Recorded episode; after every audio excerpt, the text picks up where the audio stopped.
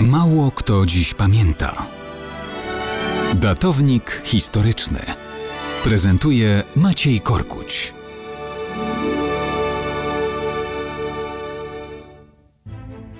Mało kto dziś pamięta o czasach odkryć geograficznych, nieznanych lądów położonych gdzieś na krańcu świata. Nie, nie, nie. Nie mówię o odkrywaniu Ameryki czy dalekich kontynentów.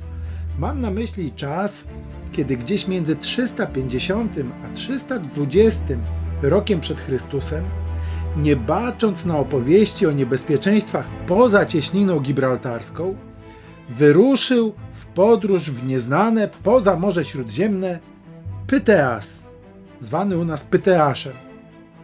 Był to podróżnik i najprawdopodobniej jeden z greckich kupców, rodem z greckiej kolonii Masali, czyli dzisiejszej Marsylii.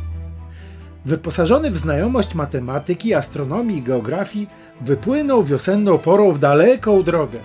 Najpierw opłynął cały Półwysep Iberyjski, a potem przez Morze Galickie, czyli to, co nazywamy dzisiaj Zatoką Biskajską na Atlantyku, dotarł daleko, daleko na północ, aż do Półwyspu Armoryka, gdzie wiele wieków później pojawi się tam Bretania. Przepłynął cieśninę galicką, czyli kanał La Manche i odkrył nieznane lądy.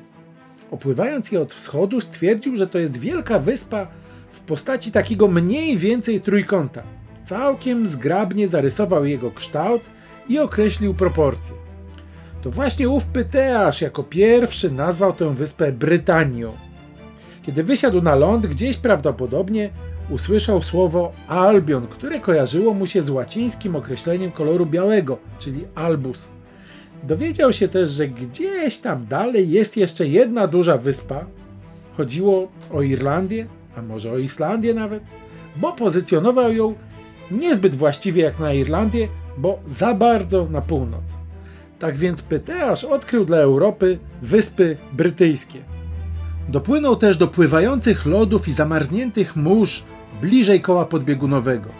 Wpłynął na Bałtyk, gdzie opisywał, że było tyle bursztynu, iż ludzie ogrzewali się paląc nim w ogniskach. Kiedy po powrocie o tym wszystkim opowiadał, pukano się w głowy i mówiono: Niemożliwe.